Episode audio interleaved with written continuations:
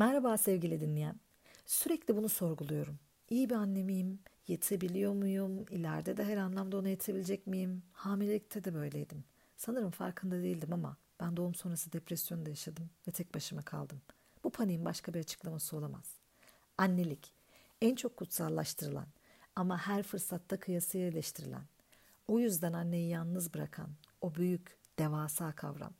Bugünkü konumuz anneliğini sorgulama üzerine. Hadi konuşalım. Genellikle terapiye bir dönüm noktasıyla gelirsin. Çocuğun ağır bir hastalık geçirmiştir. Okula başlıyordur. Sık sık öfkelenen bir çocuktur. Bir türlü kilo alamıyordur.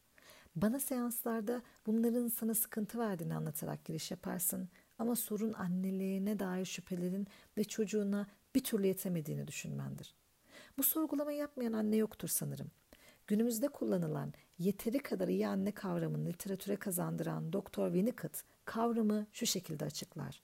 Bir çocuğun hayata iyi bir başlangıç yapmasına yetecek kapasitede olan anne. Burada kastedilen kapasite senin anladığın ya da toplumun belirlediği hedefler gibi mükemmellik anlamını içermiyor. Çocuğun dünyaya ilk geldiğinde ihtiyaçlarını neredeyse eksiksiz karşılarsın. Üstelik elinde sadece ağlaması gibi bir uyarıcı vardır. Bana sorarsan aynı ağlamadan her seferinde doğru olmak üzere onlarca kombinasyonda mesaj alabilmen üstün bir başarı zaten. Sonrasında bebeğinin yavaş yavaş sıkıntıları hissedebilme ve bunlarla mücadele edebilme kapasitesini kazanması gerekir. Bu nedenle sen de bu duruma adapte olarak bebeğinin yeni davranışlar, beceriler öğrenme, gecikmeler ve sıkıntılarla baş etmesi konusundaki gelişimine destek olmayı öğrenirsin. Anne olmak doğuştan gelir ama annelik öğrenilir. Kimse anneliği muhteşem yapacak şekilde doğmuyor güzel insan. Hayatta her şey olduğu gibi bunu da deneyimlerimizle öğreniyoruz. Tam da bu öğrenme sürecinden mi korkuyorsun? Sandığının aksine bebeklerin kendilerini tamir kapasitesi oldukça yüksek. Yani bebeğin dünyaya annesiyle çok güçlü bir bağ kurmak için gelir. Arada hatalar yaparsan bile korkma. Bebeğin senin tamir çabalarından da maksimum düzeyde faydalanabilir. Hatasız annelik diye bir şey olmadığı ve herkesin anneliği sonradan öğrendiğini düşünecek olursan bu senin için oldukça iyi bir haber değil mi? Anneliğin anne olmanın önüne geçerse ne olur peki? Bu ne demek? Yani mükemmel anne olmak için işi kitabını uydurmaya çalışmanın sakıncalarından haberdar mısın? Birden fazla çocuğu olan anneler beni anlar. Her bebek kardeş olsalar bile ayrı bir dünya ve onunla kuracağın iletişim biricik olmalı. Eğer her çocuk için bir kurallar kitabı var gibi davranırsan, kendi başına ayrı ve özgün bir birey olması gereken çocuğunun özgürce gelişmesinden mahrum bırakırsın onu. Sen onun ihtiyaçlarına uyumlanmalısın. O seni mükemmel anneliğine adapte olmamalı. Hatta tam tersi, senin sevgi ve ilgini kaybetmek istemeyen çocuk, sana uyum sağlayacak diye özgün kişiliğini oluşturmak yerine bambaşka, ona ait olmayan bir benlik geliştirir. Mükemmel olmak istiyorsan ama iyi olma ihtimalini harcıyorsan kurallar kitabında buna dair bir madde yok. Var mı? Sorgulamana dönelim o halde. Yeteri kadar iyi anne nasıl olur? Temelde 10 mesaj verirsin bebeğine ve bu mesajlar ileride kendini nasıl inşa edeceğini belirler çocuğunun. Mesajları sıralayalım mı? Burada olduğun için memnunum mesajı. Çocuk değer görüp istendiğini hissederken senin de orada olmaktan memnun olmanı sağlar. Bu mesajı almayan çocuk olmasaydım daha iyi olurdu diyebilir. Yetişkin hayatında terk edilmeye dair korkular geliştirebilir. Devamlı kendisini silikleştireceği bir gelecek inşa edebilir. Seni görüyorum mesajı. Çocuk varlığının onaylandığını, görüldüğünü, senin tarafından özel hissedip nelerden hoşlandığı ya da ilgi alanları hakkında bilgi sahibi olunduğunu hissederse öz değerini yüksek olarak belirler. Sürekli olarak görülmeyen ya da varlığın ifadesini bulamayan çocuk ileride var olma ve değer görme ile ilgili sıkıntılar yaşar. Benim için özelsin. Bu mesajı alan çocuk olduğu gibi kabul edilip sadece kendimiz olduğu için el üstünde tutulduğumuz, her yönüyle kabul edildiğimizi anlayacağı bir duruma gelir.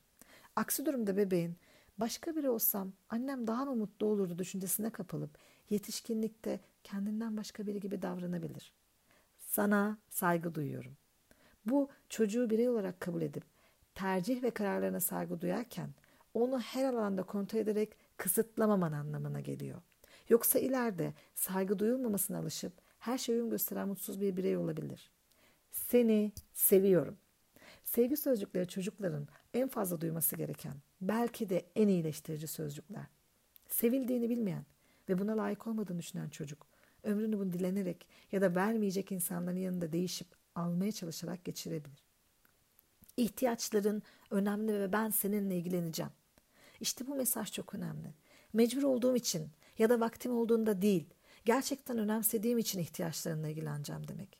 Böylece çocuk kendisini büyük olarak görmez ya da ihtiyaçlarından vazgeçerek yoksun bir şekilde hayatına devam etmez. Önemli mesajlardan biri daha. Ben senin için buradayım. Ortadan kaybolmayacağım. Ver ihtiyacın olduğunda buralarda olacağım. Bu temel güven ve rahatlama hissini yaşatır. Aksi takdirde çocuk kendi kendine büyümesi ve arkasında kimsenin olmadığı mesajını alabilir. Bir diğeri, seni güvende tutacağım, koruyacağım, incinmene ve bocalamana izin vermeyeceğim. Bu mesajın verilmemesi, hayatın güvensiz bir yer olduğu ve bu hayatı yaşamaması gerektiği sonucuna bile götürebilir. Peki ya tatlı bir mesaj daha? Benimleyken rahat hissedebilirsin. Bu annenin ya da ona bakan kişinin erişilebilir olduğu, seninle korunaklı bir alanda olduğu ve onu kabullendiğin anlamına gelir. Senin yanında rahat hissedemeyen çocuk kendisi gibi değil, başkası gibi davranabilir ve bu davranışını genelleyebilir. Belki de en tatlı mesajlardan biri de şudur. Beni çok mutlu ediyorsun. Bu çocuğuna varlığını mutluluk verici olduğu, onunla olmaktan mutlu olduğu mesajını verir.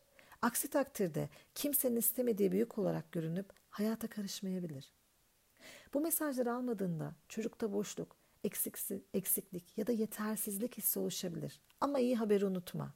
Çocuklar seninle kuvvetli bağ kurmak üzerine geldikleri bu dünyada herhangi bir hata yapıp bunu düzeltmeye çalıştığın takdirde çabucak tamir olmaya yatkınlar. Sevginin, olumlu mesajların ve çocuğa hissettirilen değer duygusunun tamir edemeyeceği bir şey yok. Bu yüzden iyi ya da mükemmel anne değil, yeteri kadar iyi anne kavramını kullanıyorum ya. Mükemmel annelik mi, yeteri kadar iyi anne mi? Sorun annede değil, annelik kavramında. Annelik kavramı Atlantis gibi bir şey. Başı sonu, genel geçer kuralları yok. Dolayısıyla asla yüzde yüz yeterli olman mümkün değil. Üstelik çocuğunla o özel bağ, o biricik olan bebeğe yoğunlaşman gereken zamanda sen tarif avcılığı yapıp kendi rolüne odaklanırken çocuğunu da her çocukmuş gibi genelliyorsun.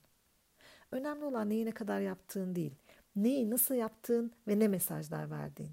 Bırak mükemmel olmaya çalışmayı. İnsanların senin, senin anne rolünden gelen beklentilerini. Senin sorumlu olduğun tek kişi o bebek. Ve onu genellemeyip olumlu mesajlar verdiği müddetçe hayat boyu bir tek annem olsun bana bir şey olmaz diyecek. Her çocuğun anne ihtiyacı var. Kendine özgü ihtiyaçlarla ve ister inan ister inanma yeteri kadarına. Yeteri kadar sev ve gör onu. Yeteri kadar olumlu mesaj var. Bak bu cidden yeter. Annelik anneden büyük değil. Kendi biricik çocuğun annesi olmak, annelik denen genelleyici kurallar silsilesinden önce gelir. Unutma. Sevgili annem, yeri gelmişken bir tek sen ol, bana bir şey olmaz. O zaman bir sonraki podcast'e kadar sevgiyle kalın, güvende kalın, bizi takipte kalın, hoşçakalın.